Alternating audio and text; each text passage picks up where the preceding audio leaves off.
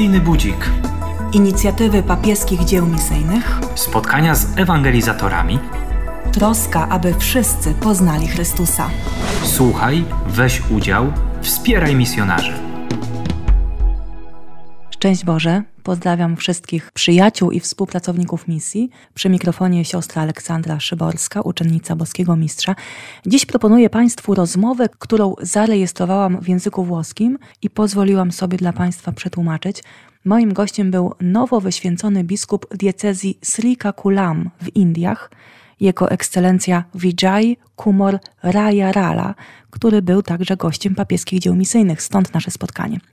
E, wyjaśnię tylko, że ksiądz biskup Vijay został podniesiony do godności biskupa jako prowincjał Pime, czyli Papieskiego Instytutu dla Misji Zagranicznych. Tak można przetłumaczyć tę nazwę. Indie są jednym z pierwszych krajów, na których rozprzestrzeniła się działalność PIME. Instytut ma w Indiach własne seminaria duchowne, które kształcą przyszłych misjonarzy, a kapłani i biskupi należący do Instytutu obejmują posługę w kilkunastu diecezjach. I właśnie jedną z nich jest Srika Kulam. Jak ksiądz biskup Vijay radzi sobie z ewangelizacją na terenie sobie powierzonym, jak radzi sobie także z dyskryminacją chrześcijan, coraz powszechniejszą w kraju, po co w ogóle przyjechał do Polski i jak widzi nasz kraj, dowiemy się z wywiadu. Zapraszam. Biskup Vijay Kumor Raya Rala z Indii. Eh, essendo una diocesi, una città povera, diciamo, mm-hmm Będąc regionem raczej ubogim, nie pozostajemy w obszarze zainteresowań polityków.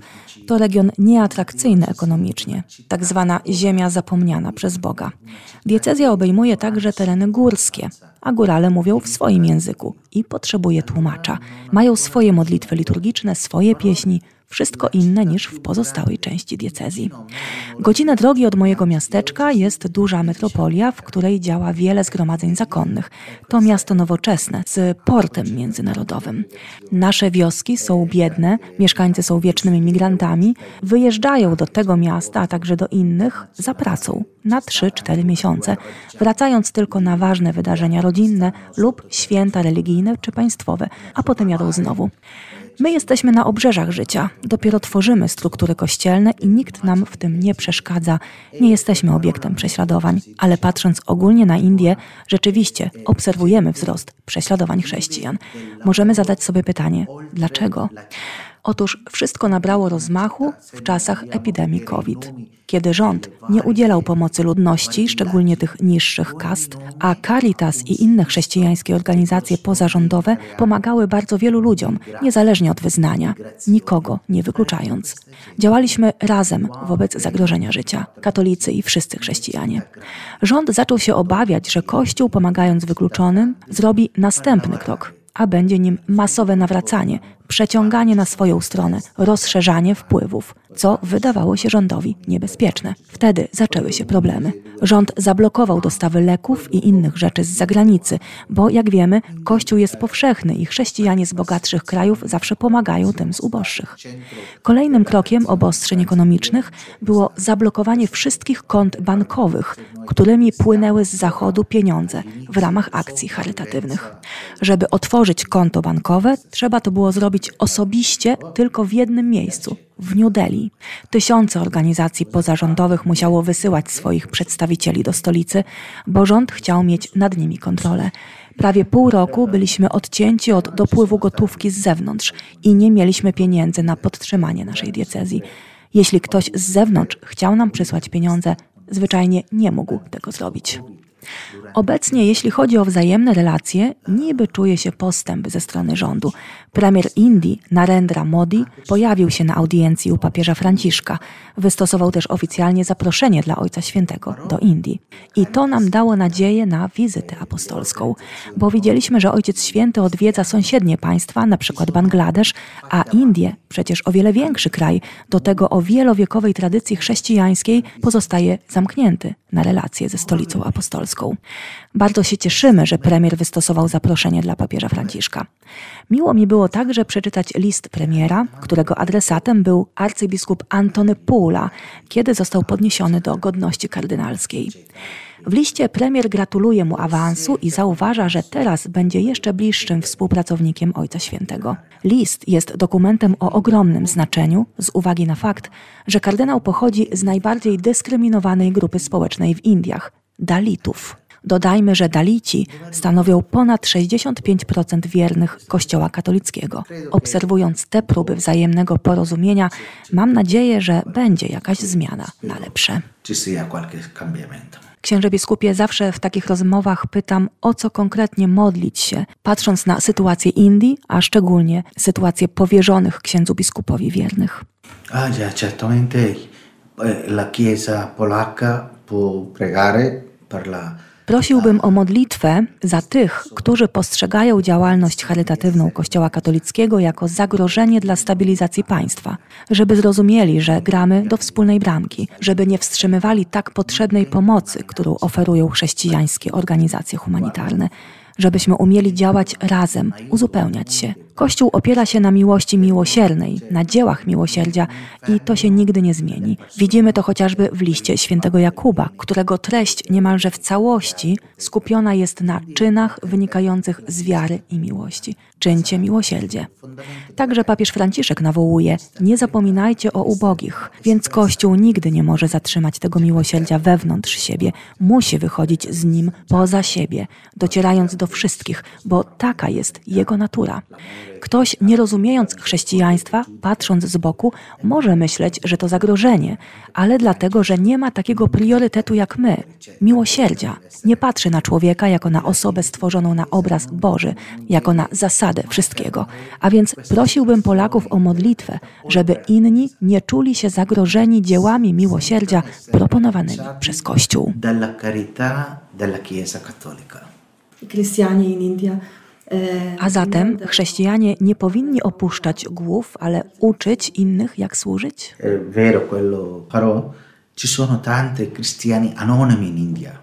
Tak, ale pamiętajmy, że w Indiach jest wielu chrześcijan anonimowych.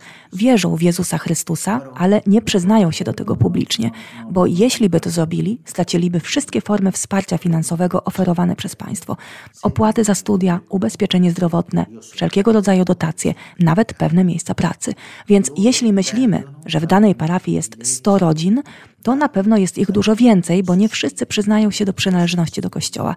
Może otrzymali dobrą pracę, której nie chcą stracić ze względu na utrzymanie rodziny i nie są w stanie dać teraz świadectwa o przynależności do Chrystusa, choć są ochrzczeni i żyją wiarą, tworząc domowy kościół.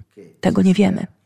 Obecnie Kościół toczy walkę, aby rząd uznał chrześcijan jako pełnoprawnych obywateli, że ktoś może być chrześcijaninem przynależąc do jakiejkolwiek kasty i jednocześnie może pobierać świadczenia socjalne, podobnie jak hinduiści czy muzułmanie. Sono musulmano, sono hinduista, non c'è problema. Ale ksiądz biskup znalazł sposób na wsparcie finansowe swoich współpracowników. Perché il catechista non solo Musimy wspierać katechistów i ich rodziny. To prawdziwe kościoły domowe. To w nich rodzą się powołania. Jeśli taka rodzina przeżywa trudności finansowe, bo żona jest chora albo córka nie może pójść do szkoły, musimy zadbać o godziwe wynagrodzenie, dać im nie tylko formację, wiedzę teologiczną, ale też zabezpieczenie materialne, żeby katechista był szanowany za swoją posługę, miał godność pracownika, żeby nie był pogardzany przez bliskich. Pracujesz dla kościoła, za Bóg zapłać, kim ty jesteś. Nie zdajemy sobie sprawy, jak dużo taki katechista ryzykuje. Na przykład, gdy wraca późnym wieczorem na rowerze i może mieć wypadek. On musi być ubezpieczony. Jeśli dbam o księdza, który pracuje ze mną na parafii, to dlaczego nie mam zadbać o katechistę, który pracuje tak samo, a ma jeszcze rodzinę na utrzymaniu? Bez katechistów parafia umiera. Jestem zobowiązany jako biskup wynagradzać wszystkich, którzy pracują ze mną w dziele ewangelizacji. Staram się też finansować edukację przynajmniej jednego dziecka w każdej rodzinie katechistów. Kolejnym projektem jest umożliwienie edukacji dla kobiet, co jest w Indiach bardzo skomplikowane, ponieważ nie ma równouprawnienia. Jeśli jakaś moja parafianka chce iść na przykład na studia pielęgniarskie, pomagam jej zdobyć takie wykształcenie. Io anche sono obbligato Non solo y, Polonia, y, un paese che manda missionari. Nie tylko Polska wysyła misjonarzy, Indie także. Ksiądz biskup jeszcze jako prezbiter został posłany do Papui Nowej Gwinei. Jakie to było doświadczenie? Stata un'esperienza molto molto forte. Perché? To było doświadczenie bardzo, bardzo mocne. Dlaczego? Inny kraj, inna kultura, inna mentalność, inny język, inny klimat. Pracować na misjach, ale w jakimś cywilizowanym miejscu, to jeszcze jest do zniesienia. Ale ja zostałem posłany na małą wyspę Woodlark. Trzy dni podróży barką, jeśli ją znajdziesz. Jeśli nie, musisz czekać nawet kilka dni, aż jakaś będzie płynąć. Trzy dni podróży na otwartym morzu, wiele kilometrów od stałego lądu. Tam poniósł śmierć męczeńską 170 lat temu błogosławiony ksiądz Giovanni Mazzucconi. Było dla mnie zaszczytem pojechać właśnie w to miejsce. Początkowo mieszkałem w chacie, bez okien i drzwi. Łazienką było miejsce wyznaczone w lesie, prawdziwa dzicz. Powoli zbudowałem dom i struktury kościelne, czyli miejsce do wspólnej modlitwy. Po trzech latach zostałem jednak posłany do trendowatych w Mumbaiu. To był ośrodek zwany Porta del Cielo, czyli Brama do Nieba, założony przez jednego z moich współbraci z Pime, księdza Carlo Torrianiego. Tutaj jeszcze bardziej dotknąłem ubóstwa, cierpienia i choroby. Byli tak ubodzy, że nie mieli nawet niektórych części ciała, których pozbawiła ich choroba. Nosa, uszu, palców, u rąk i nóg. Żeby nie musieli żebrać, stworzyliśmy dla nich agrokulturę. Szedłem z nimi uprawiać ten ryż. Jeździłem traktorem i wykonywałem prace, których nie mogli wykonać oni z powodu swojego kalectwa. Jak pięknie było przebywać przy jednym stole z najmniejszymi. Nie było mowy o dyskryminacji. Czuło się, że jesteśmy jedno podczas pracy, jedzenia, modlitwy. To doświadczenie dało mi ogromną motywację na polu duchowym i misyjnym. Ja może byłem świetny w obsłudze komputera, w muzyce liturgicznej, w organizacji wielkich wydarzeń, ale nigdy nie uprawiałem pola ryżu. Od rana do wieczora ścinałem łodygi, chodząc w wysokich kaloszach. Potem zostałem prowincjałem i musiałem wrócić do cywilizacji, ale pokochałem ubóstwo. Dlatego bardzo mi się podoba, że papież Franciszek mówi tak często o kościele dla ubogich. Zawsze powtarzam, że ubodzy są naszym paszportem, bez którego nie dostaniemy się do nieba. Entrare, entrare nel paradiso. Cioè loro sono il passaporto per noi. Alla fine, una domanda perché lei è venuta... Ostatnie pytanie. Skąd wizyta księdza biskupa w Polsce i jak ekscelencja widzi nasz kraj? Io sono venuto in Polonia perché è stato una, un invito eh, a Nostra Eccellenza Monsignor Salvatore Pennacchio come nuncio apostolico. Zostałem zaproszony do Polski przez księdza arcybiskupa Salvatore Pennacchio, nuncjusza apostolskiego. Zaprzyjaźniliśmy się, gdy był nuncjuszem w Indiach. Kiedy zostałem biskupem i pojechałem do Rzymu na spotkanie formacyjne dla nowo mianowanych biskupów, spotkałem go, bo on też był wtedy w Watykanie. Zaprosił mnie do Polski i przyjechałem. To, co zapamiętałem najbardziej z wizyty w Warszawie, to był grób i muzeum poświęcone waszemu męczennikowi, księdzu Jerzemu Popiełuszce. Wizyta w tym miejscu stała się dla mnie prawdziwą pielgrzymką. Poprzez filmy i zdjęcia mogłem poczuć atmosferę jego czasów i zapach jego świętości. Jego historia głęboko mnie poruszyła. Gdy umieściłem na Facebooku kilka zdjęć z muzeum, napisałem, że dzisiaj potrzebujemy właśnie takich świadków jak ksiądz Jerzy. Młodzi muszą odwiedzać to miejsce, żeby wiedzieć, jak żyć wartościami chrześcijańskimi bez kompromisów, także za cenę złożenia ofiary z własnego życia. Kiedy zobaczyłem zdeformowane ciało księdza Jerzego, przyszła mi na myśl pasja Chrystusa, jego ciało ubiczowane, pobite, także zdeformowane jak mówi Izajasz, niepodobne do ludzi. Dał swoje życie dla Ewangelii. No i oczywiście podziwiam Jana Pawła II. W latach 90. studiowałem w seminarium w Rzymie i mogłem dotykać go z bliska. Cenne są dla mnie wszystkie publikacje o nim, może szczególnie wywiad Rzeka autorstwa Vittorio Messoriego, zatytułowany Przekroczyć próg nadziei. Byłem też w Łagiewnikach u siostry Faustyny. Polska dała ogromny wkład w Kościół powszechny właśnie przez swoich świętych, ale oni muszą dla was być ciągle żywi, żeby oddziaływać, przyciągać ludzi do Chrystusa, utrzymywać żywą wiarę. Nigdy nie pomyślałem, że będę w Polsce. To by się nie stało bez zaproszenia arcybiskupa Pennacchio. Non sarei stato in Polonia senza nostro arcivescovo Salvatore Pennacchio.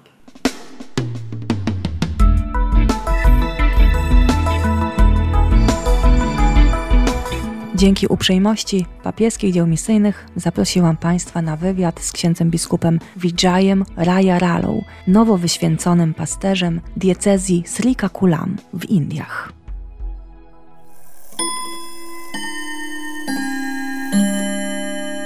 Misyjny budzik. Inicjatywy papieskich dzieł misyjnych. Spotkania z ewangelizatorami. Troska o to, by wszyscy poznali Chrystusa. Słuchaj, weź udział, wspieraj misjonarzy.